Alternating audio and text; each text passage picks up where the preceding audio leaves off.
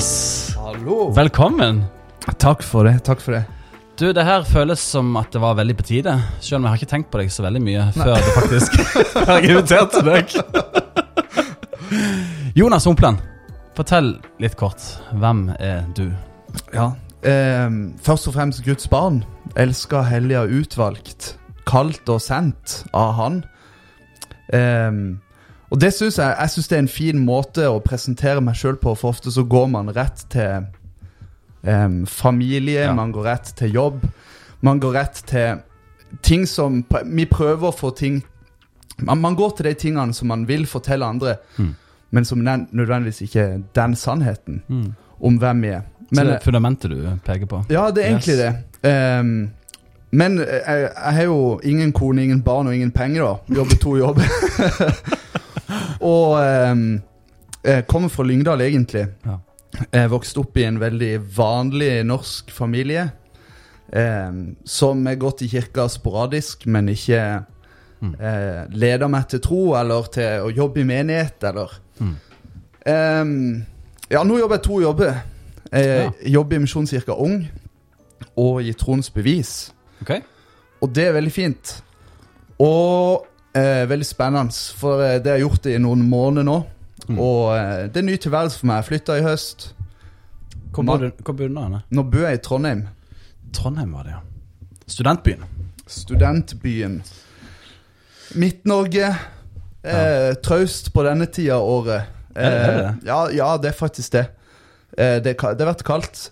Ja, men ikke det er litt av gullet der oppe? Snø og uh, friluftsliv og Jo, hvis du er glad i Ja. snø og friluftsliv. point. Ja, jeg er jo, ja, jeg er jo Bambi på isen, i hvert fall hvis jeg får på eh, ski. Og Trønderland er jo langrennsland. Ja. Og, Ja. det, og det er fint å se på TV, for det er himla tungt å gå i virkeligheten. Ja, Ja. jeg ser den. Så det er nok teknikksvikt fra min side, men eh, nei, det syns jeg langrenn er, er noe dritt, og alpint som bare skader meg. Ja. Så bare hold seg langt unna. Skjønner. Fra Lyngdal. Mm. Eh, vokste opp i en norsk normal familie, som du sier. Ikke Mm. noen som har pusha deg inn, verken, Ikke der du er, iallfall. Uh, hvordan er verden en, altså, Hvordan ble du en etterfølger av Jesus? Ja, eh, jeg priser jo Herren for at jeg vokste opp i Lyngdal, da, for det er jo en veldig kristen by. Du kan ikke unngå å måtte ta valget, liksom? Nei, nei man, man blir eh, satt på valg. eh, men eh, grunnen til at jeg er kristen, eh, er jo først og fremst for jeg tror Gud leter etter meg, Mm. som han leter etter veldig mange mennesker. Mm. Eh, men hjelpen jeg fikk på veien, var at jeg starta i, klasse med det som En av mine nærmeste venner i dag, Mm. Marius Merseland, okay. eh, som gikk i Misjonskirka i Lyngdal. Og, og fra jeg var liten av, så har jeg vært en del av Misjonskirka i Lyngdal. I, Ja. i barnekor og barnearbeid, og eh, vært innom søndagsgudstjeneste, og så etter hvert så blir det ungdomsarbeid. Mm. Og så har jeg vært et av de færre eksemplene på at den trakta Mm. med ulike arbeid i en menighet faktisk fungerer. Eh, og jeg sier et av de få, for det er dessverre sånn at det er flere som ramler ut. Jeg gikk i et ungdomsarbeid der vi var over 150 Ja. hver fredag eh, mange år på rad. Og eh, det er ikke så mange av de som jeg gikk i sammen med der, som jobber i menighet eller er engasjert i menighet. Mm. Um, og i hvert fall ikke de som ikke kom fra en familie som um, var veldig menighetsaktive. Mm. Um, og så um, blir jeg jo introdusert for tro og fortalt mange fortellinger, men det er ikke før jeg går i 9. klasse, tror jeg, der jeg stiller meg spørsmål sånn Ok, men eh, det, kan det faktisk være sant, Mm. alt som er blitt fortalt? Og så starter det en prosess i livet mitt um, som varer i fire år. Mm. Der jeg grubler og tenker på å finne ut av ting, og er med på hele den ungdomsarbeid-hypen. Ja. Og, og eh, utad eh, elsker Jesus og er med på alt som skjer, og det er god stemning. Um, men når jeg ser tilbake på det nå, så hadde jeg ingen røtter um, som hadde klart å vokse seg dype. Og um, så tar fotballen overhånd. I motsetning til langrenn så er litt bedre i fotball. Hvem er laget? Eh, I, I England Ja, eller, ja, ditt hjerte nært. eh, Dessverre United. Er det det? Ja, Åh, Da kunne vi egentlig bare brukt denne podkasten til å lage en litt sånn eh, United.no eh, 2.0 Ja. og sutre litt. Ja, nei, det er mye å sutre over. Og ehm, eh, det er Men heldigvis så tjente jeg litt penger da på kampen mot um, Aston Villa nå i romjula. Tipper du seier? Jeg- Ja, når de lå nå 2-0. Og da tipper du seier? Ja, Da har du tro. ja, jeg har det. Sykt! Ja, Og det var til og med etter de fikk det første målet der annullert. Nei, seriøst? Så hadde jeg så troa. Så satt 100 000, da. Nei. Så hadde jeg tenkt det er en inside job. ja. Nei, det var Nei, jeg satt en hundrelapp, så det er ikke Hvor mye fikk du på det, da? eh, 1250. Ja, det er sjelden du vinner på sånt. ass. Ja, det er det. Så jeg, men jeg spilte vekk eh, 250 av de igjen i går, da, så jeg burde ta ut resten nå før Ja, det må du gjøre. Jeg har ikke eh, Det er veldig lenge siden jeg gambla, men eh, Ja, For det er jo egentlig ikke helt innafor. Nei, det, det, er jo, det er jo en gråsone sant, med å forvalte penger og Men eh, nå, jeg kan jo gi deg 1000 jeg har igjen da, til misjonen, så føler jeg jeg har gjort min jobb. ja, det være bra. Men tilbake til eh, Jeg var litt bedre i fotball. Ja. Og eh, det var egentlig på fotballbanen jeg innså at nå er livet mitt på vei i en retning det ikke var på vei som, ja. eller på vei til, Mm. eh, noen år før. Og eh, jeg hadde et øyeblikk Jeg spilte jo for Lyngdal sitt A-lag før jeg var ferdig på videregående og sånn. Ja. Og eh, der jeg skjelte ut han ene stopperen han tabba seg ut. Og jeg vet ikke hvor mange, om det har vært kanskje mellom 150 og 300 en plass Mm. på tribunen. Og etter målet går inn, han skåret se- selvmål, han sender ballen forbi meg, jeg var keeper, som bakerste mann. Um, og rett i eget mål, og, og det blir jo stille på stadion i utgangspunktet, og det blir i hvert fall stille når jeg brøler full hals og skjeller han ut med ord som ikke hører hjemme noen plass. Shit. Um, Jeg skjønner.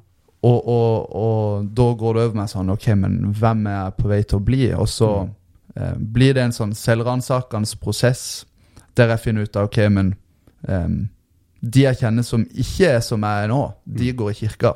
Mm. Og eh, de er mine kristne venner, og eh, mm. de har noe med seg som ikke jeg ser ut til å ha nå. Og, og eh, det utenforskapet jeg følte på Mm. i, i de månedene der, tror jeg egentlig har vært litt underliggende. Med at det har vært litt annerledes ifra de andre. Hmm. Jeg kom fra en annen bakgrunn, var ikke med på familieselskapene. Mm. Alt som det medfører å, å, å ha hele familien sin i kirka. Ja. Ikke trossamtale hjemme. Um, veldig mange ting, da. Mm. Uh, og så graver jeg litt i oppstandelsen. Ja. For jeg finner ut av sånn Ok, men em, det, det må være noe som skal være logisk her. Det må være noe som er tippepunktet. Og så fikk jeg litt hjelp på veien til å velge oppstandelsen. Og så var det egentlig en sånn rasjonell avgjørelse som gjorde jeg bestemte meg for å tro. Mm. For jeg fant eh, ingen gode nok argumenter for at oppstandelsen ikke skal ha skjedd. Og, og ofte når jeg snakker med mennesker om akkurat det, så blir de litt unnvikende. Em, og det virker ikke som de helt har lyst til å ta stilling til selve oppstandelsen. Nei. For det at jeg tror det er noe um, Noe veldig reelt Mm. i det, og at det er litt skremmende. Ja. Og det burde være skremmende, for det at etter min liten survey, eller uh, Mm. s- eh, Ja, min søken, så snudde hele livet seg. Mm. Og så har jeg et møte med det som var min ungdomspastor, Markus Kvavik. Mm. Em, og han, han ber for meg, og jeg bekjenner tro åpenhjertig og, og legger livet mitt ned for Jesus, og så får jeg lov til å oppleve at Den hellige ånd flytter inn i livet mitt Mm. og begynner å virke og begynner å tale og begynner å lede. Og um, det er den store forskjellen Mm. på Jonas når eh, han bestemmer seg når han er 17, Ja. og han som stiller alle spørsmålene når han er 14. Mm. Um, og så tror jeg at det har vært bra for meg Mm. At det var prosess, og ikke bare fra 14 og så hele livet på hodet. Ja. Um, for det at um, fire år senere så var jeg ikke en del av den samme bølga like tydelig og like sterkt Mm. som um, før. Og så har det ikke vært eh, rette veier og bare god stemning og Jeg har deala med masse greier da, Mm. etterpå det òg. Um, men jeg opplever virkelig at det, den, det var en junikveld der um, forandra livet seg. På hvilken måte?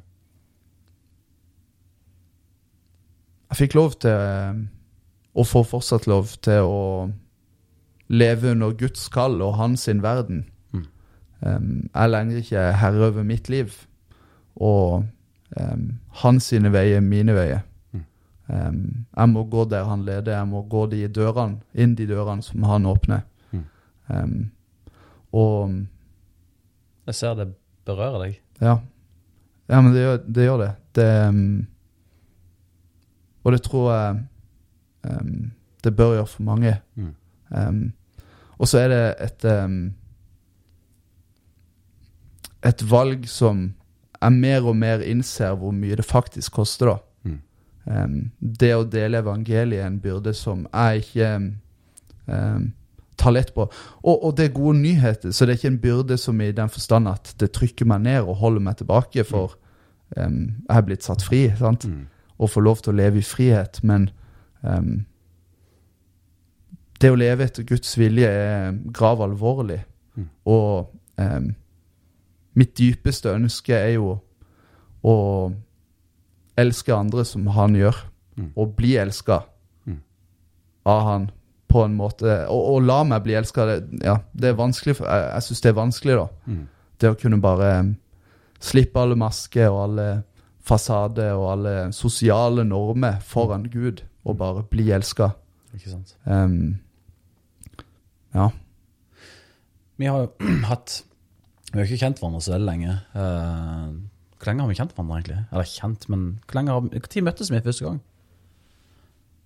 Eh, det var på eh, dametreff i Lyngdal på Kulturhuset. Var det det? Ja, det tror jeg. Det må det Hva gjorde du der? Jeg Ja, du spilte! Ja, jeg spilte ja, sang eh, Hanna. Stemmer. Mm. Det er bare et par år siden, det tror jeg. Ja, ja. Du kom inn der, langt hår, skinnjakke. straight out of Hillsong. En plass jeg egentlig ikke identifiserer meg så Nei, veldig med. nei, du Nei, ferdig med det. det var Nei, men eh, det var, det var herlig. Eh, Det er jo klart, skinnjakke og det lange håret der, det sender jo ekstreme alfamale-vibes. Og så fant du ut du var en fin fyr for det. Så jeg var forhåndsdømt! Absolutt. Å, så fint! Kom og høre. Hvem var jeg i dine dine nei, men, nei, men eh, eh, Neida, men ja. Jeg hadde jo aldri sett deg før. Nei. Og, Og du visste ikke hvem jeg var heller? nei, Nei. nei. Mm. Men jeg skjønte at du var han som skulle tale. Mm. For du gikk inn på den måten som han som skulle tale. Målretta i blikket. Mm. Fram til du får tingene på plass, så unngår du litt øyekontakt. Bare for liksom Ok, nå er jeg landa her, og så Nå skal jeg skru på. Det her er superinteressant å Ja. høre. Jo, jo, men, men, men jeg er jo likedan. Så du så Og- det, ja. Mm. Ja, men så jeg kjente meg igjen i din situasjon. Det er derfor du kjenner meg. Ja, Og så og så hører du til sånn Når du kommer inn som mann på et dametreff, så er det sånn Ok, han her må gjøre noe her. Han har en oppgave. Ja, Funny. ja, ja nei, jeg, eh, det holdt jeg jo på å trå. Jeg, jeg har jo en tendens til å kaste ut ting som kan være litt kontroversielt. Men, jo, men kom nei, men jeg, jeg skulle til å si at det er jo Du kunne jo følt det som en dame, men det var jo tross alt kristent arrangement, så jeg vet ikke Ja, ikke hvor sant? naturlig det hadde vært. Ja, det gjør jeg absolutt ikke. Nei. Sant. Nei, ja, det var første gangen. Så vi møttes et par ganger. Um, Mm. Kanskje en av de lengste samtalene vi har hatt nå, var jo nå på Ansgar, der vi Mm. dykka litt ned i status. Kristen-Norge, kirke, Mm. hensikt uh, osv. Jeg tenkte Jeg prøver jo ikke å planlegge forferdelig mye uh, før jeg skal ha folk inn i sofaen her, men, men av og til har jeg en tanke eller et spørsmål som må ligge litt der og eh, ja, jobbe litt. Og, det- og det, det spørsmålet jeg hadde tenkt å stille, var, som kunne være litt Iallfall ett av spørsmålene jeg stiller, var hva gjør Kristen-Norge feil, og hva bør vi gjøre annerledes for ei tid som denne, og tida som kommer? Takk for at du stiller det spørsmålet. Come on. Um, det er rart du spør om det, for jeg satt og um, ba over det mm. i, på kafeen under der vi sitter Ja. uh, før du kom. Og, ehm, jeg tror først og fremst um, så det er mye som blir løst hvis folk begynner å bli frelst. Ja. Um, for å dra en fotball um, sammenligning, så er det jo Hvis United bare begynner å skåre litt mer mål, så eh, er det mange ting som løser seg. Man får litt selvtillit. Mm. Man får troa på det man holder på med. Man får em, Det gjør ikke noe om keepertabbene kommer, eller om ting ikke er helt på stell, eller om fasilitetene ikke er som det skulle være. Mm. Um, og, og det er utfordrende å drive menighet i en sekulær kultur, som vi gjør i Norge i dag. Mm. Um, og jeg hørte uttalt fra prester um, og pastorer der, der de blir skutt i kirkene sine, at de heller vil gjøre det for de kan se fienden sin. Mens i Mm. Vesten så er det en million usynlige fiender som de ikke kan forholde seg til. Mm. Um, og, det, og det er jo seriøsiteten uh, over hvor vanskelig det er å drive kirke. Men jeg, jeg tror mye vil være løst hvis man begynner å se folk komme til tro. Mm. Uh, og begynner å løfte opp de historiene der Gud griper inn og gjør noe. Ja. Og um, Søgne misjonskirke er et supert tegn på det. De deler masse troshistorier med mennesker som opplever ting med Jesus. Og jeg vet ikke hvor mange hundre tusen seere de har. Mm. em, på bare Det er liksom det er nullproduksjon. Det er så enkelt. Ja, det er så enkelt Ja. um, og så bra. Og så tror jeg at det ligger noe i det. At uh, man får formidla at uh, Gud faktisk virker. Mm. Og folk begynner å få troa på at mennesket kan bli frelst igjen. Mm. Folk begynner å få troa på um, at helbredelse kan skje. Men man ser ikke helbredelse, tegn eller under. Man ser ikke at mennesker Mm. får livene sine snudd på hodet. Em, og så går man en sånn endeløs loop av å prøve å få ting til. Og um,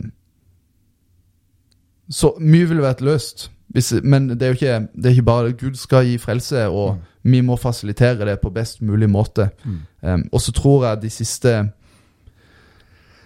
Jeg vet ikke for Norge, men si 20 årene, så er vi jo gått i en retning av å ligne mer på de kirkene som, er, som stikker seg ut i sosiale medier, som stikker seg ut på TV. Mm. Em, og så tror jeg at eh, det medførte seg mye bra. Mm. Em, jeg tror det har vært sunt for eh, våre lokale kirker rundt forbi hele Norge å ta produksjonen på mer alvor. Mm. Ta det å planlegge litt mer på alvor. Det å strukturere seg sjøl, organisere seg sjøl. og få satt ting i system, sånn at når det en dag strømmer folk til kirkene, så er det et eller annet form for rammeverk som klarer å ivareta dem på en god måte. Mm. Em, men med det så ser jeg òg at eh, vi har prøvd en mal som har funka én plass, som Gud har velsigna og gitt vekst, i Australia eller i USA eller i England. Mm. Og så er det vokst opp fra bunnen der, og så vi henta frukten fra toppen. Mm. Og så har vi nesten bare tatt den, det eplet eller den bananen eller sitrusfrukten, og så Mm. bare skvist den. Sånn at saften fra den frukten som vokste opp en plass, Mm. skal renne nedover våre kirker. Mm. Um, og så har ikke det fungert så bra. Mm. Men jeg tror det har skjedd fordi at vi har vært rådville med hvordan kirke skal se ut. Mm. Um, vi har ikke sett nye komme til, vi har ikke sett nye komme til tro. Mm. Um, vi har bare sett ungdommene forsvinne ut, unge voksne etablerer seg ikke. Mm. De som flytter vekk og studerer, når de kommer tilbake, så begynner de ikke å gå i kirka igjen. Mm. Og så, og så finnes det jo unntak, og det er viktig til alt jeg sier. For sånn, selvfølgelig kommer det mennesker til tro i landet vårt, men um, Men så, så har man blitt rådvill, da, Mm. i, i den prosessen, og så har man bare snudd seg rundt, og så har det vært en bevegelse for nye kirker, som jeg tror har vært bra. Ja. Men i det så tror jeg jo at man har glemt noe veldig viktig. Um, for det at man har prøvd å bli best på ting som kirka ikke trenger å være best på. Um, vi må ikke være best på musikk. Vi må ikke være best på kommunikasjon. Mm. Vi må ikke være best på eh, trendy uttrykk og tallserie og sayings. Mm. Men det kirka må være best på, og, og, og dette um, Ja, dette, dette rører meg, men kirka må være best på å inkludere. Mm. Kirka må være best på å ta imot nye. Mm. De må være best på å huske navn. Mm. De må være best på å invitere hjem. Em, da skal I i min ideelle kirke i mitt hode så skal det være en sånn radikal gjestfrihet at det nesten skal være vanskelig å være introvert. Mm. Og jeg sier nesten fordi at i, i hele dette spekteret med å møte mennesker, så tror jeg til og med de som eh, lader batteriene best sjøl, Mm. har en viktig rolle Mm. i én-til-én-samtalen, Ja. i det enkelte møtet. Mm. Em, du trenger ikke 150 stykk som når ut til en sosial krets på 150 stykk. Mm. Det, det raser sammen. Ja. Man må ha noen som får de dype relasjonene. Og, em, jeg så en dokumentar av Karpe. Ja. Vegg, vegg, vegg. Har du sett den? Nei. Som handler om når de kjøpte et samfunnshus Mm. i Skien. Og det var, dette var under covid. Mm. Så bruker de et sted mellom 20 og 30 millioner på denne konserten som de skal for 100 mennesker. Mm. Um, så har de fem kvelder med 20 personer der um, de lager den beste produksjonen og kanskje det mest crazy man kan tenke seg. Det er liksom et rom som en ørken med esel. Og de bygger om kjelleren, der er det basseng og en engel som går rundt i vannet der. Og folk som er på konserten, bare kan besøke rundt i hele huset. Mm. Og hvert rom er et nytt univers. Og så um, sitter Magdi på et esel der og synger, og så um, har de flydd inn sånn SAS-trapp. Sånn du går opp på flyet, Mm. som er en sånn stor sal. Og så går de ned fra en balkong der de går ned og ut på et stort spisebord. Og så er alle gjestene som kommer, blitt bedt om å skrive sin favorittrett. Mm. Og uansett hva de skriver, så får de det servert der. Så det er noen som skriver bestemor sin tikka masala fra India. Jeg vet ikke.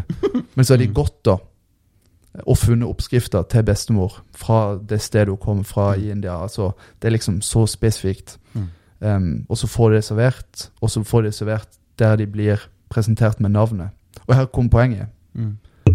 Etter å ha brukt så mange eh, millioner kroner og planlegge konsert, Mm. um, så de som en, en del av konserten sitter igjen med at de uttalte navnet mitt riktig. Ja. De sa navnet mitt riktig. Um, og det personlige møtet deg imellom, Mm. Der de ser det i øynene og sier navnet deres sitt, Mm. det betydde mer enn all produksjonen. Og det er blitt et sånn banalt bilde for meg på kirke Mm. på at ok, kom hver person som kom inn i kirka, um, ble hilst på med navn Mm. når de kom tilbake. Ikke nødvendigvis for Mm. andre gang eller tredje gang, men i hvert fall fra fjerde og femte. Em, det å si 'hei, Kristoffer, det er godt å se deg', Mm. Det, er noe, det er noe tyngre med det enn bare 'å, hei, kompis, takk for sist', Ja. godt å se deg, har du hatt det fint'? Ja, vi, vi kan jo fort bli veldig den der fist bump, high five, kult Mm. å se deg, kompis. Mm. Veldig der kule hippa som jeg tenker egentlig samfunnet vil ha. Mm. Men det er definitivt ikke det samfunnet trenger. Mm. Nei. Der er eh, en mangel på inderlighet. Mm. Det står em, flere steder Jesus fikk inderlig medfølelse Mm. når han så flokken med sauer. De var uten hyrde. Um, og akkurat det der begrepet inderlig medfølelse det, jeg, jeg leker litt med det. Hva vil egentlig det bety? Mm. Det betyr jo ikke at du går rundt og syns synd på alle nødvendigvis. Veldig empatisk. Ja. men men det er noe over det som em, Det er veldig vakkert. Mm. Det å genuint bry seg om noen. Og um, før jeg flytta til Trondheim nå i høst, så har jeg jo jobba seks år som ungdomspastor. Mm. Og over de seks årene Og det er stygt å si, men jeg har tenkt mange ganger sånn Bryr vi oss egentlig om Mm. de som kommer inn i kirkedørene våre? Sånn egentlig, liksom. Ja. Mm. Eller er det sånn Ja, vi bryr oss og vi har lyst til at folk skal komme til himmelen, og Mm. det er jo derfor vi gjør dette, og vi tror jo på dette, men, men bryr vi oss egentlig? Mm. Når han i kirka vår som kommer, når de går gjennom et samlivsbrudd, eller um, de mistet familiemedlem, Mm. er vi der som kirke? Mm. Eller når Lista er jo en liten plass for, for de som hører på og ikke vet hvor det er, så er det på Sørlandet, og det bor flere kuer enn det bor mennesker der. Gjør du det? Nei, jeg vet ikke. Bare en antakelse. Sannsynligvis ikke. Um, men på en bygd som det, da, Mm. så får du med deg hva som rører seg i mange sin familie. Og Mm. um, er vi som kirke de første til å strekke ut en hånd mot deg? Mm. Um, jeg tror man man har godt av å gruble litt på sin egen inderlighet i møte med mennesket. Um, og, og jeg er ikke en spesielt empatisk fyr. Jeg jobber veldig mye med å bli mer empatisk. Mm. Um, men jeg har veldig lett for å um, vise forståelse, men ikke bry meg egentlig. Mm. Jeg, jeg, jeg, jeg overfører ikke andre sine følelser på meg sjøl Mm. i den grad. Så um, hvis du hadde delt med meg at du gikk gjennom noe tøft, Mm. um, så kunne jeg forstått det, og jeg kunne møtt deg. Og nå har jeg hatt sjelsorg Mm. som kurs og alt mulig, så jeg tror jeg har lært noen triks Mm. for å samtale med deg om det på en god måte. Men det preger meg ikke. Mm. Em, Det er mer teknisk enn det faktisk Ja. ja. Mm.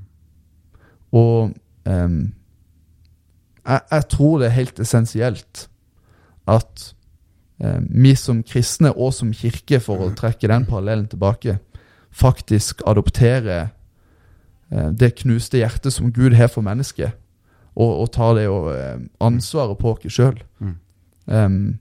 for Guds hjerte for Norge, det tror jeg er knust. Mm. Og em,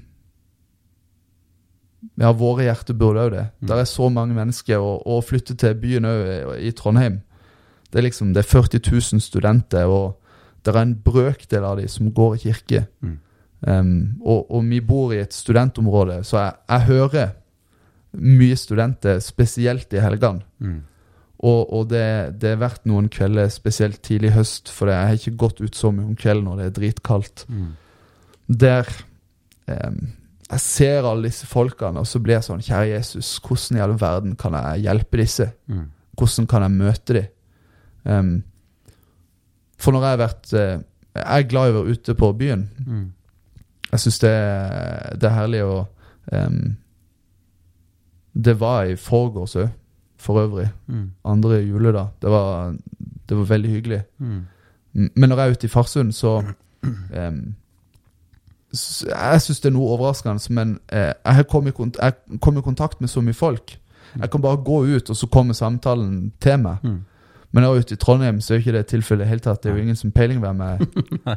Det er jo eh, kanskje sett kjendis i Kristen-Norge på Sørlandet, så det er jo, er jo helt ubetydelig Mm. i Trondheim. Mm. Og, og jeg måtte gå noe sånn Ok, men kjære Jesus, hvordan Vis meg hvordan jeg kan møte disse menneskene. Mm. Komme i kontakt med dem. Vise din kjærlighet blant dem. Eh, og så er det så vanskelig. for Fordi at det er en helt ny tilværelse for meg. Så eh, jeg merker jeg blir trent på nytt i Den hellige ånds ledelse i møte med mennesket. Mm. Em, for på Sørlandet så har det vært relasjonsbygging. Men i Trondheim så kan jeg ikke gjøre det. Jeg må ha en ny innfallsvinkel. Og så har òg tanken slått meg at Men det er egentlig mye enklere i Trondheim. For det at alle menneskene jeg møter, i hermetegn, all, alle menneskene lengter etter Gud. Mm. Eller lengter etter fellesskap. Mm. Lengter etter den dype samtalen. Eh, lengter etter å bli møtt. Og jeg tror på en måte det er lettere i byen. For det at hvis du bare stopper noen og snakker med dem, så møter du dem ikke igjen på butikken, sannsynligvis. Nei, sant. Eller rundt forbi. Em, og, og det å bare begynne å stoppe alle, Mm. alle som man ser Um, Men det koster noe i meg fortsatt Mm. som em, ja, jeg jobber litt med å finne ut av hva, hva som holder meg tilbake. Mm. Um, og det får meg til å tenke på den andre tingen som jeg tror begrenser kirkelandskapet vårt. Og det er frykten for hva andre mennesker kommer til å tenke. Mm. Den er så kraftfull Mm. og virksom i, i vår kultur. Mm. Mm. og jeg tror kanskje det er den tingen alene som stopper folk i å be for andre. Mm. På åpen gate, men òg til og med i kirka. Mm. Jeg går ikke fram til forbund for hva vil de andre her rundt meg tenke Mm. hvis jeg gjør det. Til og med i det vi kaller for hjem og familie og våre næreste og brødre og søstre, Mm. så sniker den tanken seg inn. Ja. Ja, men skal jeg reise med lovsangen, eller hva kommer de til å tenke rundt meg, eller skal jeg rekke opp hånda, eller skal jeg gå til forbønn, eller Mm. um, Til og med i vårt aller helligste, for å bruke det begrepet, Mm. så sniker denne frykten seg inn. Mm. Og hvis han gjør det i kirka, så forstår jeg i hvert fall at han gjør det utenfor kirka. Mm. Og, og det er utfordrende. Mm. Um, Tenk eh, mm, kanskje en av de største, eller hovedproblemene akkurat når det kommer til dette, da. Uh, og det er jo en ting som Gud hater. Det er stolthet. Og det er egentlig det det handler om. For du er redd for å miste maska. Du er redd for å eh, For stolthet handler ikke bare om- den klassiske stolt, at du er stolt på en måte. mm, Men det, er den grunnleggende byggekloss i mennesket. Om at du klarer deg sjøl, at du har ting på plass. At uh, folk respekterer deg, at, de har, uh, at du er vel ansett. At du Mm. kommer godt ut på uh, skattelistene. Altså whatever. Det kan være hva som Ja. helst. Men, men til og med òg dette med å vise sårbarhet. Det å, som du sier, erkjenne synd, skyld, mm, Uh, lidelse, tap, uh, feiltrinn, uh, svakhet, urett. Altså det å miste maska og fortelle, enten ved ord eller ved handling, at ja, livet suger. mm, Ikke sant? Det handler om stolthet. Altså Frykt er jo den som dominerer, men det handler om stolthet. Ja. For det at, og, og litt det her med at Grunnen til Gud hater det, er jo ikke fordi at det er en forferdelig synd, liksom, på den måten, men Gud misliker det så sterkt, for da er det ikke rom for han å komme inn og gjøre noe med det, og forme det, og, Mm. og og lege det, og gjenopprette det. Um, han elsker den ydmyke, mm, men står den stolte imot. Og det, det handler om at hvis du har en ydmyk tilnærming til andre mennesker, en ydmyk tilnærming til Gud, til dine brødre og søstre i kirka, så har en ydmyk holdning, en slags eh, At du har gitt opp, at du har kapitulert, at du trenger Gud, mm, Uh, så så tror jeg den vil være mottagelig for veldig mye mer uh, helbredelse, um, mm, gjenopprettelse, fri, fri, frihet, det ene og det andre, mm, som en lengter til. Men fordi at en ønsker å holde maska, eller um, er redd for å snakke sant om livet, eller det en ikke fikser, mm, så, så holder en tilbake, og så går en og, og prøver å fikse det på andre måter, eller Ja. Men det å på en måte være et fellesskap der en virkelig eh, lar maskene falle, da. mm, Eh, der en, eh, som du sier, snakker til hverandre med navn. Eh, det, det er nært. mm, Og jeg tenker det er en enorm styrke i, eh, i et fellesskap. Det at en eh, kjenner hverandre i navn. Det at en lever transparent. Eh, viser at en har svakheter. Uh, mm. ja. Ja, og vi rører jo med noen litt dype ting. Og det, ja, Mm. jeg syns det er fint. Um, men jeg, jeg fikk en tanke. Jeg skal ikke Jeg, jeg tror vi fortsetter på dypet her, men og, og det For man står jo en spagat òg, Mm. i, i forhold til kirke og um, stolte mennesker og huske folk med navn. Mm. Um, og det er jo òg spagaten mellom å utruste folk på søndagen samtidig som man legger til rette for de som er fremmede for kirke. Mm. Hvordan man gjør de to tingene. Ja. Um, og um, he, det, dette er jo vanskelig sant, med hvordan gudstjenesten skal se ut, og Mm. um, ja, da, Der er det masse stolthet, liksom, med folk som vil ha det på sin egen måte. Mm. Og jeg tenkte veldig mye på Ok, men kom, kommer om søndagen skal handle om de kristne Mm. for at de skal ta på seg plikten av å gjøre gudstjeneste resten av uka. Mm. Um, vi gjør ikke det i Trondheim nødvendigvis. Mm. Men jeg starta studentarbeid der i oktober. Mm. Og ikke fordi det ikke finnes bra kirker der. Det var masse fine menigheter og masse fine studentarbeid. Mm. Um, men flere kirker når flere folk. Det er All kirkeforskning Mm. viser det. Og um, vi spiser kveldsmat og leser Bibelen og snakker om det som står der. Mm. Det er sånn kirke ser ut for oss. Mm. Er en liten gjeng. Um, og foreløpig så kjenner alle hverandre med navn, så vidt jeg er bekjent med. Mm. Um, og eh, ingen annonseringer. Det er ingen sosiale medier. Mm. Um, og vi prøver å nå folk med personlige invitasjoner. Mm. Um, og det, det har vært så gøy å være en liten gruppe. Det har vært så gøy å være få. Mm. Uh, ja, jeg unner alle kirkeledere å være få iblant. Mm. Um, for det at man kommer tettere på livene til folk. Mm. Og jeg fikk høre um, rett før jul, når vi hadde en juleavslutning der det var litt flere folk Det var lagd pinnekjøtt til veldig mange. Det var jo et himla styr. Men da kom det og sa sånn um, Dette arbeidet har vært et bønnesvar for meg. Mm. Um, og tenk at kirke får lov til å være bønnesvar til mennesker. Jeg tror det er det man må jage etter. Mm. Ydmykt jage etter. Ja. Um, der er folk som lengter etter fellesskapet.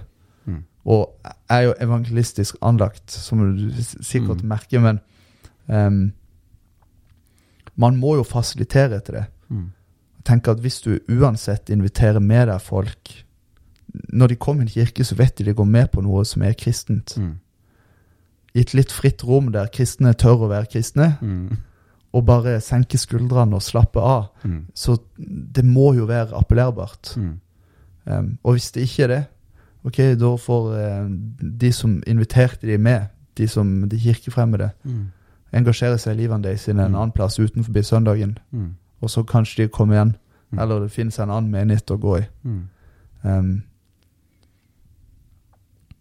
men det var, ja, det var et spennende i Trondheim. Bare, ja, vi kan jo åpne den ballen. Der er jo skjedd eh, litt greie. Ja, Um, fortell. ja, for Trondheim var jo litt um, um, Først så handla det bare om at jeg skulle flytte sammen med en kompis. Mm. Jeg hadde bodd på Lista i seks år, jeg bodd på Sørlandet hele livet. Jeg kjente på et sånn eh, relasjonelt vakuum eh, og måtte komme meg til en større plass. Mm. Jeg hadde ingen jobb når jeg bestemte meg for å flytte, men det var noe samtale. Og så um, Jeg, jeg landa i to nasjonale jobber der hovedkontoret til begge organisasjonene ikke er i Trondheim, det er i Oslo og i Kvinsdal. Mm. Men det ble Trondheim, for kompisen min bodde der, han hadde leilighet der. Det var veldig enkelt å ikke tenke på hvor man skulle bo. Og, um, så skjer det at um, før jeg bestemmer meg for å flytte, så begynner jeg å få meldinger fra andre pastorer, ungdomspastorer og folk generelt. Mm. 'Hei, jeg hører du skal til Trondheim.' Mm. Og eh, vi kjenner noen som bor der, som trenger et fellesskap å gå i. Kan du ta kontakt med dem? Mm. Og den samme meldinga får jeg eh, rundt 20 ganger eh, i løpet av en måned før til en måned etterpå jeg bestemmer meg for å flytte til Trondheim. Mm. Um, og så opplever jeg for første gang egentlig på veldig lenge um, at Gud svarer på min bønn med hva jeg skal gjøre, og hvor jeg skal gå. Mm. Em, for jeg sa opp uh, jobben min som ungdomspastor i januar, Mm. og um, visste i god tid i forveien at jeg skal noe nytt til våren. Mm. Og um, så var jeg frustrert lenge fordi at jeg følte ikke at eh, Gud kalte meg noen plass. Og ja, det var litt radio silence, og så satt jeg meg ned i bønn. Og så opplevde jeg å bare sitte og tenke på Ja, men du har jo faktisk ikke søkt Gud i dette. Mhm. Det var den tanken som slo meg. Det er en litt vond tanke. Shit, når du sitter og får den tanken der, så tenker jeg det, jeg kjenner meg igjen i det. Det er litt Mm. flaut. Det er det. Det er litt sånn på vegne mellom meg og Gud, liksom. Ja. Litt pinlig. Ja, ja, for, ja, for jeg går rundt og irriterer meg over Gud. Hvorfor gjør du ingenting? Hvorfor viser du ingenting? Og så, når jeg da setter meg ned for å gjøre det som jeg tenker at jeg har gjort hele tida, Mm. Så alt er å ja, men Du har ikke søkt Gud i dette i det hele tatt. Mm. Og um, um, og så vil jeg ikke si at jeg begynner å gjøre det masse heller, for det er ikke sannheten. Mm. Men så er han god og nådig, Ja. og så baner han vei for det om. Um, fordi at han ønsker gode ting, og først og fremst ønsker han sitt rikes fremgang. Mm. Og så trenger ikke det være spesifikt Trondheim, Mm. men det var der brikkene falt på plass, og det var der um, dørene åpna seg. Um, og så flytter jeg liksom med godt mot, og er gira. Mm. Blir gøy å bo sammen med noen, både for meg sjøl siden jeg flytta hjemmefra. og Mm. um, Ny by, ny jobb, alt mulig er spennende. Um, og så slår realiteten meg litt i fjeset midt i høst. Mm. Det er sånn Fytti så sårbart det å forlate et fellesskap Mm. som man har investert i noen år. Um, og så blir alle disse tingene som er fine og gode, blir litt tyngre av hverandre for at alt kommer på en gang. Det er sånn jeg opplever det nå, da. Mm. To nydelige jobber. Det er, de er helt, jeg er utrolig heldig å få lov til å jobbe med unge voksne Mm. i hele Norge. Og um, en fantastisk fin by som jeg ikke er klart å bli ordentlig glad i ennå. Mm. Og um, jeg får lov til å bo med en av mine tre nærmeste venner. Mm. Um, de andre er for øvrig gift, så det er derfor jeg ikke bor sammen med deg. Naturlig nok. Ja. Um, men så blir liksom alle disse gode tingene litt mindre gode enn det jeg hadde tenkt på forhånd. Mm. Og så får jeg en ny sånn Gud, hva i all verden er det som foregår nå? Mm. Um, og så får jeg lov til em, å oppleve at selv om alle disse gode tingene blir vanskelig, så sender Gud folk i min vei som trenger Jesus, Mm. og som trenger tro, og så viser han meg på nytt hvorfor jeg er i byen i Trondheim. Mm. Um, og um, jeg har kjent på det med å bli lokalt forankra. Det er så viktig, tror jeg. Em, som, som menighetsledere Mm. og um, som kirkegjengere og som kirke eller som menighet. Mm. Det å plante føttene sine eh, der man er, og så spørre Gud hva vil du med livet mitt her? Mm. Um, hva vil du gjøre nå? Og jeg tror at man um, trenger å la seg lede av Den hellige ånd for å lede andre mennesker. Etter Guds vilje og etter Guds plan og etter hans sitt Mm. kall. Um, og det er ikke bare pastoren som må gjøre det. Mm. Det er ikke ungdomspastoren eller eh, um, leder, formann, lederskap. Altså, Mm. alle trenger å be Helligånd, hva vil du gjøre Mm. med livet mitt? Ikke dette året eller den måneden, men i dag. Mm. Nå. Ikke sant. Em, Jeg leste en, eh, en artikkel av en som heter Knut Jørgensen.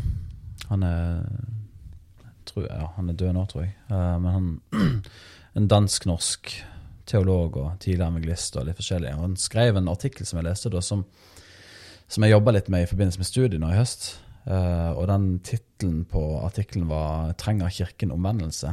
mm, Og det handler litt om Han tar utgangspunkt i seg sjøl, men òg andre evangelister som har vært i spesielt Asia- og Afrika-områdene. Utsendt fra litt sånn høykirkelige kirker.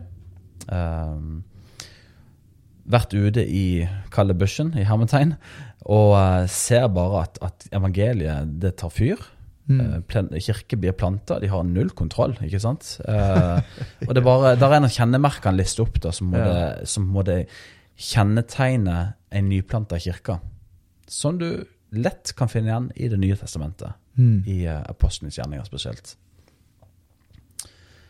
Og så Grunnen til at han begynner å jobbe med denne artikkelen og, og grave seg ned i dette og skrive disse tingene, er fordi at han ser at, at det å komme hjem igjen til Norge, det at evangelistene som har blitt sendt ut fra England, kommer igjen inn til England, er bare Hva i all verden er det vi holder på med? mm, Um, eh, ja.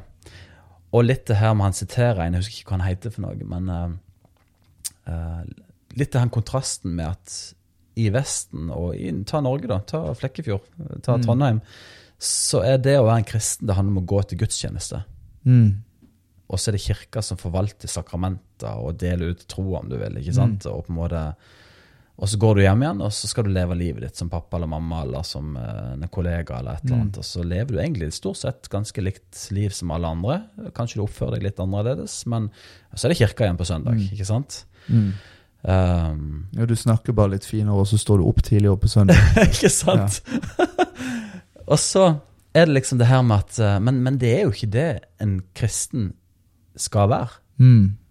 Eh, ja, kanskje noen av de samme tingene vil vi gjøre, men, men livet vil være veldig annerledes hvis du faktisk er det vi er kalt til å være, altså et lys, Ja. et vitne. Som de da refererer til disse nyfrelste ute i Afrika og i Asia og, Mm. og sånt, som du kan lese i Det nye testamentet, at de var vitner. Den enkelte troende var et vitne. Et Mm. levende vitne, et levende lys for andre mennesker i, på sin plass, i sin familie, i, i uh, nabolaget sitt, i byen sin. Eh, og litt, han ene, han ene som blir referert av Knut Jørgensen, han uh, skriver dette. Hvordan kan et menneske Eller vi kan ikke forvente at en, en generell kristen i Norge i dag skal vitne om noe de har hørt om for 40 år siden. Hmm. Eller har lest om for tre måneder siden. Altså, det, du, du kan ikke være et vitne ut ifra den erfaringen. Et vitne er, du er jo et vitne det du erf, har erfart, men fordi at du òg erfarer. Mm. Det er et liv. Mm. På den måten så vil du få vitner. Uh, og litt det her med hvilken rolle har kirka, hvilken rolle har prester og pastorer og ledere i kirken da. Uh, en må på en måte gå litt vekk fra denne modellen der presten er den som er prest, på en måte, og få den enkelte troende til å bli prester for sine mennesker. Eh, at ikke de kristnes oppgave i livet er å gå til kirka på gudstjeneste. Men oppgaven er at ja, vi kommer sammen, selvfølgelig. For det, det er jo en sentral ting i å komme sammen. Men, men gudstjenesten begynner jo den dagen, eh, det tidspunktet du går ut av kirka Mm. og møter på mennesker eh, Ja. og behovene. Og at vi da formidler troa vår og, og uh, evangeliet uh, ut ifra at det, det renner over. Du er et Mm. levende vitne. Ja. Og jeg syns det, det er en så treffende artikkel, og det er sånn treffende eh, overskrift, det her med 'trenger vi omvendelse'? Ja, ja det tror jeg. Mm. Uh, og jeg, på mange måter så tror jeg nok at den lavkirkelige, frikirkelige bevegelsen har, har på mange måter omvendt seg kanskje i større grad enn de litt mer uh, høykirkelige og institusjonaliserte kirkene, på en måte. Men vi har definitivt en lang vei å gå, for du merker at mye av denne kristenkulturarven er jo i hver enkelt. Mm. At vi går til kirka, og så lever vi livet vårt ellers som vi egentlig har lyst til. Ja.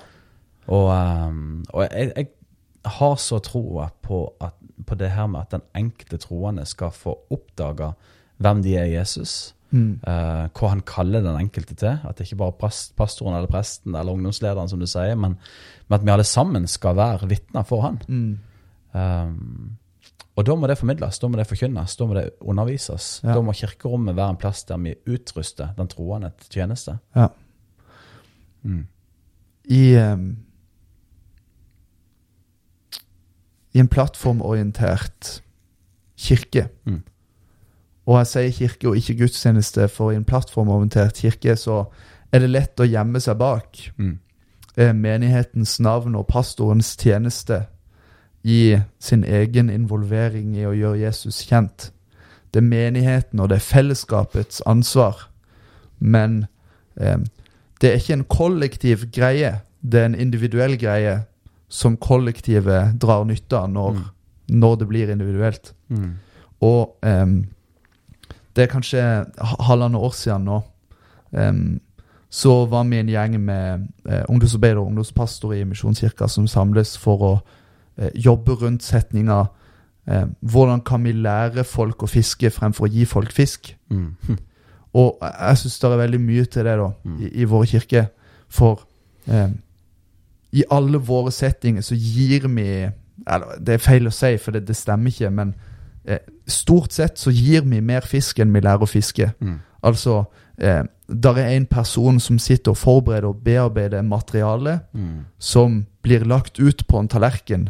Mm. og så får man eh, fortære det måltidet, Mm. men man lærer ikke å lage maten sjøl. Man får fisk, men man lærer ikke å fiske. Mm. Og en som lærer å fiske, han kan lære vekk det å fiske til andre, Ja. og han kan gi andre mennesker fisk. Mm. Um, og det er noe veldig um, Det er noe veldig appellerbart over det å være en kirke som lærer folk å fiske. Mm. Um, for det at det er Da, da blir det mulig å multiplisere seg sjøl. Mm. Men jeg opplever jo til stor grad når man er så plattformorientert som man er nå, i kirkerommet og um, det, Til og med i søndagsskole, liksom, der det, ja, det er lek og moro og gøy, men Mm. når man samles om andakten, så er det enveiskommunikasjon. Mm. Og det er verdt over veldig lang tid. Mm. Det er jo ikke pedagogisk fornuftig. Mm. Eh, det, det, det er veldig mange ting, da, som liksom ned til de enkleste tingene i kirkene våre, så em, Så får man ikke tak på refleksjon og på det å bearbeide og det på å involvere seg sjøl i Guds ord. Mm. Um, og um, det syns jeg har vært nydelig, da, med å kunne starte litt fra scratch i Mm. Trondheim. Mm. Um, som jeg sa, vi spiser kveldsmat, og så leser vi en bibeltekst. Jeg har noe undervisning, Mm. men det er bare for å få alle på samme kunnskapslinje Ja, ja. med liksom kontekstualisert undervisning med hvem er forfatter av dette brevet, og hvem skriver han til. Um, og min erfaring er unge mennesker har ikke peiling på noe. Så liksom hvis de slår opp i Nytestamentet og Mm. kjenner til de fire evangeliene, så er det Mm. liksom Da de høyt over generell kunnskap. Ikke blant kristne nødvendigvis, men blant folk generelt.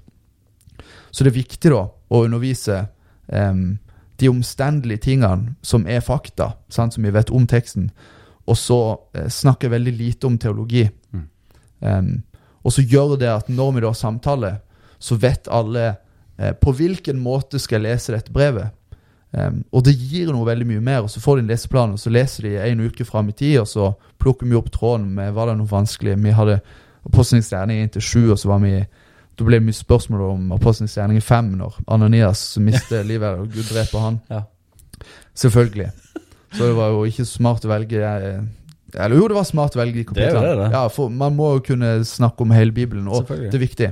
Mm. Eh, men, men det jeg ser skje med disse eh, unge voksne sin liv, er jo at de begynner å grunne på Guds ord, og de lærer Jesus å kjenne Mm. eh, personlig.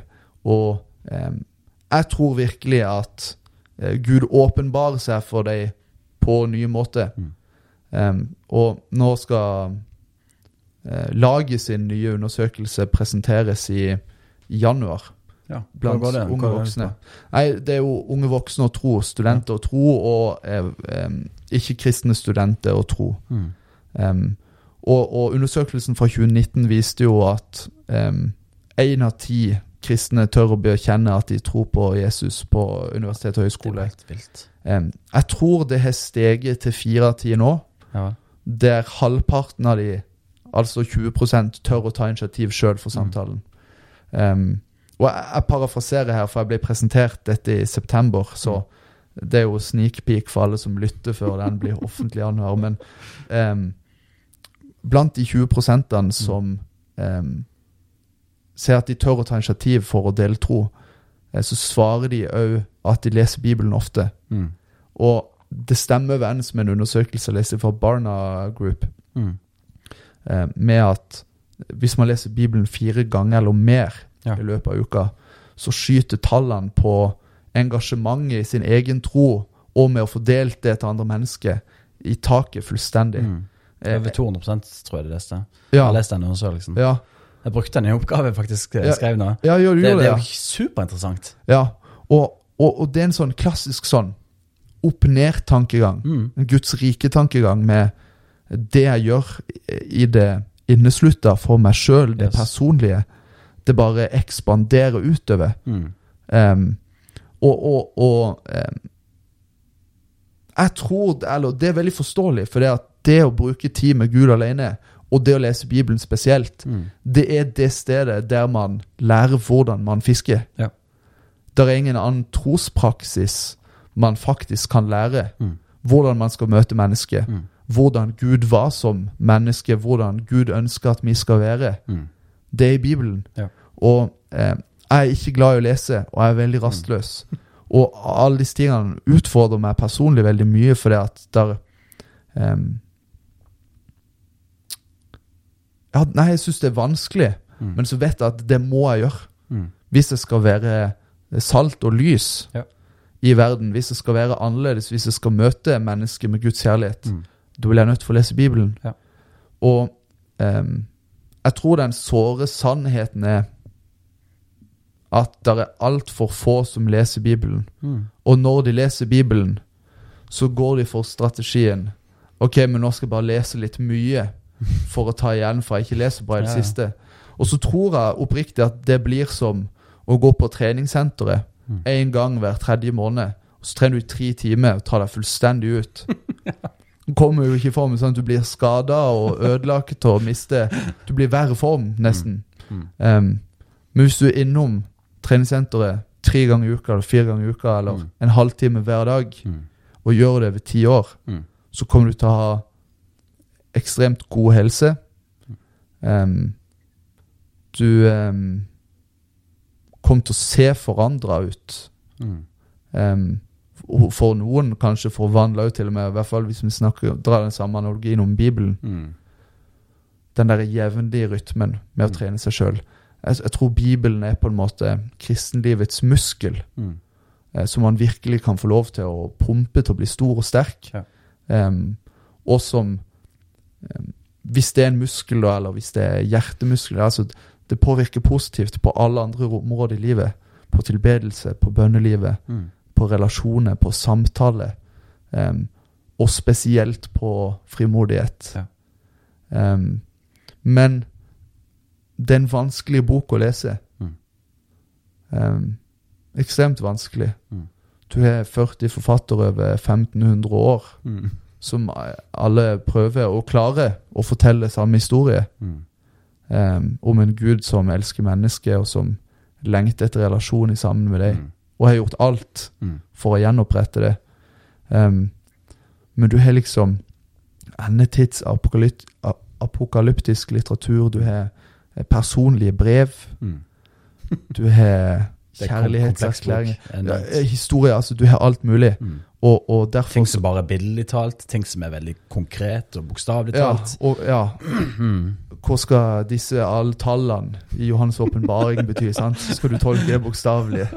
Da ender du i alle mulige retninger. Så det er liksom, det er ekstremt vanskelig, da. Ja. Og um, det, det må man anerkjenne, for det at folk i 2000 år har skrevet utallige bøker Mm. og ord og tekster. Altså, det, det er millionevis av sider som har blitt reflektert over og studert og grunna, og Mm. man kom ikke i mål. Mm. Og det er så kompleks bok, det.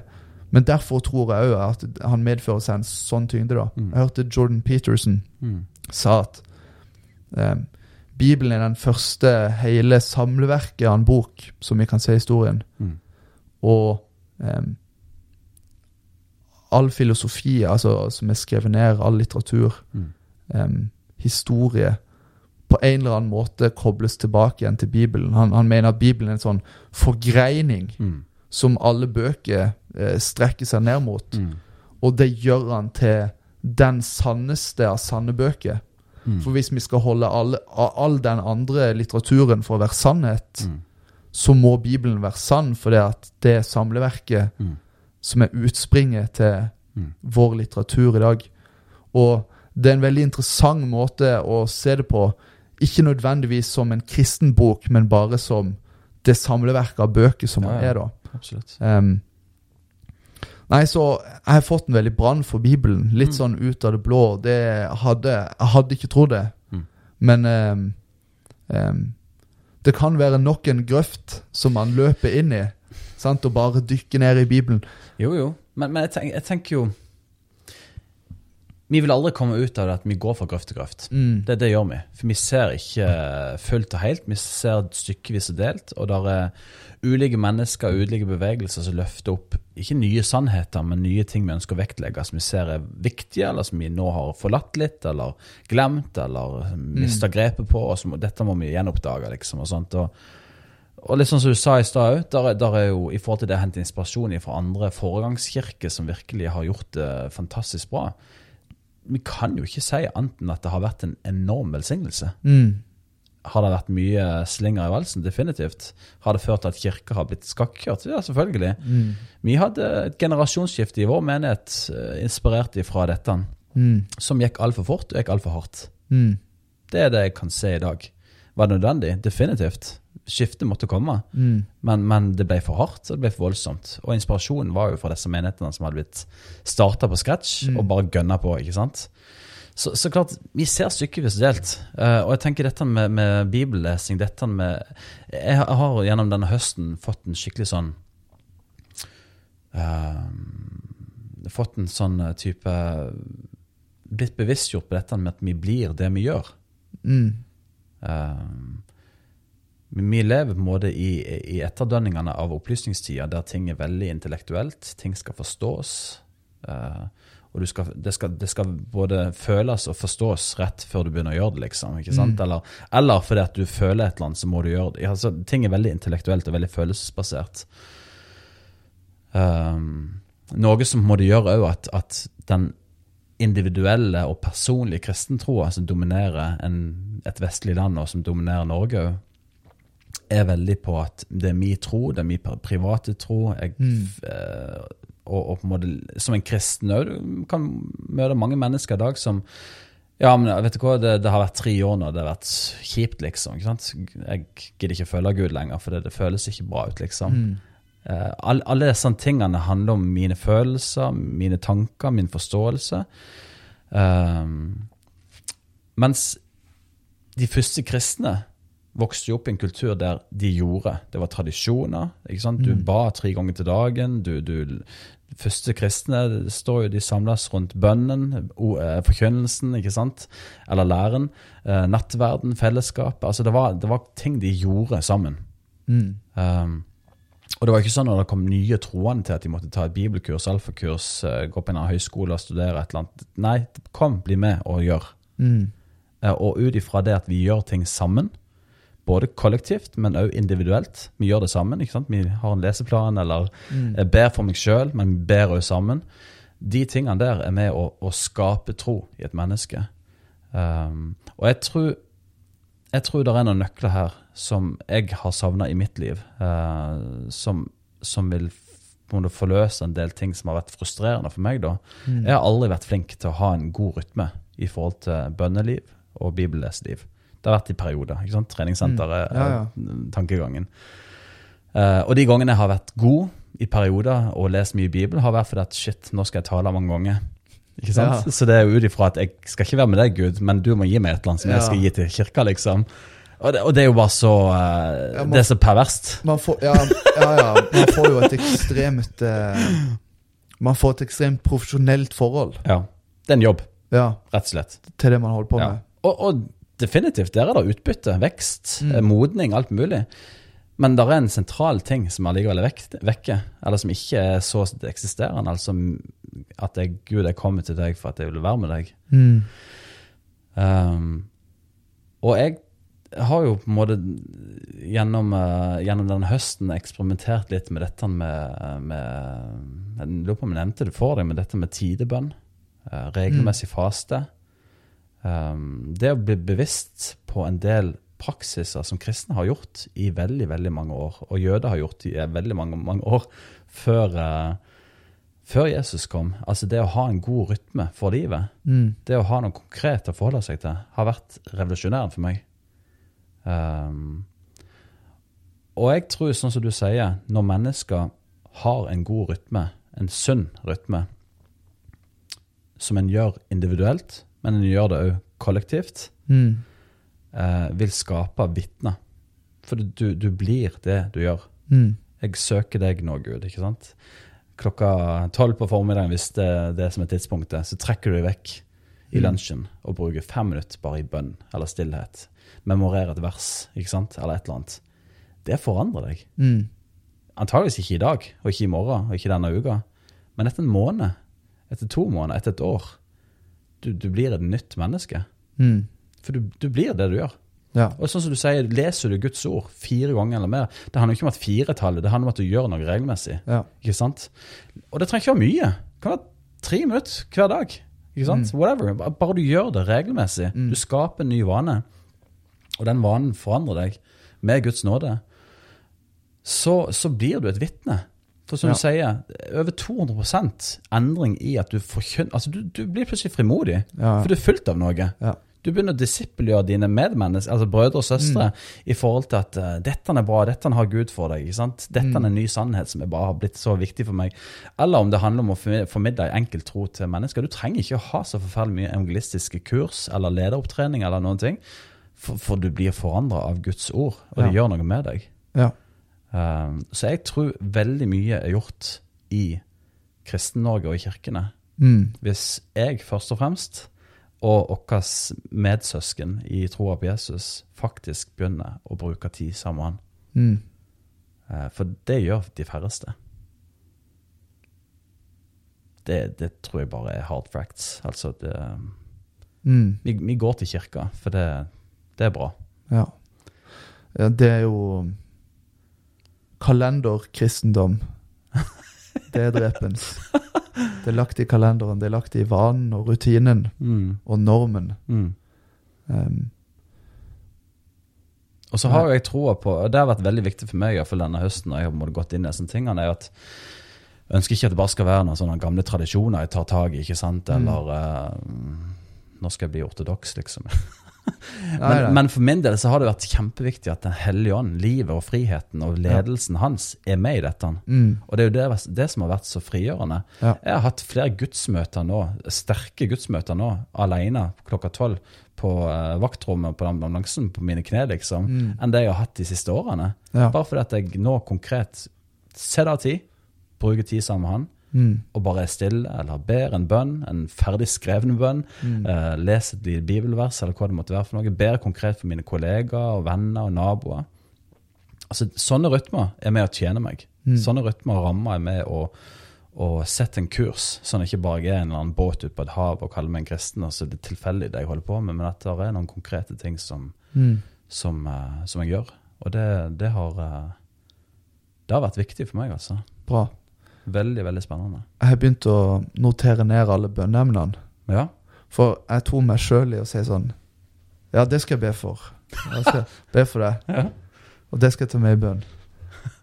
Og jeg ba jo aldri for det. Bare løgn, vet du, alt sammen. Det var en høflig uh, Ja, men det er sånn Bekreftelse. Jeg går gjennom det. Tilbake igjen til den empatiske greia. Sant? Med det å vise forståelse, og, ja, Mm. men det, og det skal jeg ta med i bønn. Og så tror jeg meg sjøl det en dag sånn Jeg må jo faktisk begynne å be for alle disse tingene jeg skal si jeg skal be for. Jeg Tør du å si det? Nei, det kan jeg ikke. Eller, Ja, nei, nei, jeg har ikke tid til det. Det har jeg aldri gjort. Jeg er har ikke mulighet. Jeg har ikke mer plass på arket. Nei, men, men så, så det jeg begynte å gjøre, det har vært en sånn konkret greie. Mm.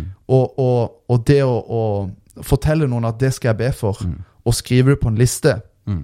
eh, det ansvarliggjør meg på faktisk måtte be. Ja. Så ber jeg for det hver dag. Mm. Og så eh, blir det eh, Det blir nesten slavisk Mm. for det at jeg har disse tingene jeg ber for. Mm. At, men jeg tror ikke det trenger alltid å være så hjertefølt. Mm. Det kan nest, sant? Det er nesten Når man går inn på treningssenteret, så bestemmer man seg for å gjøre det. Mm. Og, så, og plutselig så får man treningsglede. Mm. Jeg starta å trene i, i august. Gratulerer. Ja, det var jo eh, Guds under. Og det var jo beinhardt. Jeg følte jeg, her hører jeg ikke hjemme. Følte meg ut- utilpass. Mm. Og um, det er så mange analogi... Altså, det er så mye likt Mm. i disse tingene her med å eh, Jeg føler ikke at jeg hørte hjemme. Mm. Og, og det tror jeg Jeg har kjent Eller jeg vet jeg har kjent på det. Jeg tror det er mange som kjenner på det i, i forhold til Gud òg. Mm. Altså, dette føles rart. Det føles unaturlig. Mm. Men når man bare står i det, og så plutselig så snur det, og så får man glede, og så får man lyst på mer. Mm. Man får lyst til å utforske mer. Man blir flinkere Mm. på det man holder på med, fordi at man får øvelse i det. Mm. Og så kommer man i en sånn Man kommer i en flyt Ja. som man ikke har lyst til å gå ut av. Um, problemet er at folk faller av før de havner i den der eh, haien Mm. man får. Em, man må bare stå og løpe ut, Ja. lese Bibelen, stå trofast i bønn, Mm. i håp. Og utholdende. Ikke Men da tror jeg nøkkelen er å gjøre det sammen med noen. Ja, ikke sant? absolutt. At en har et fellesskap. Ja. For det er dødstungt å gå alene på senter og Ja. ikke kjenne noen, og du aldri kommer til å bli kjent med noen. Hvis du blir kjent med Mm. noen, så får du plutselig en vane du gjør sammen med andre. Så eh, et, Er ikke det en fantastisk oppmuntring å avslutte på? Jo, tenker jeg det. Ja. Jeg tenker det at eh, At eh, håper jeg, ja. ja. Det er et godt bilde, det med treningssenteret. At den uh, det, det å bare Det handler jo om at du først bestemmer deg om noe. Mm. At du på en måte mm,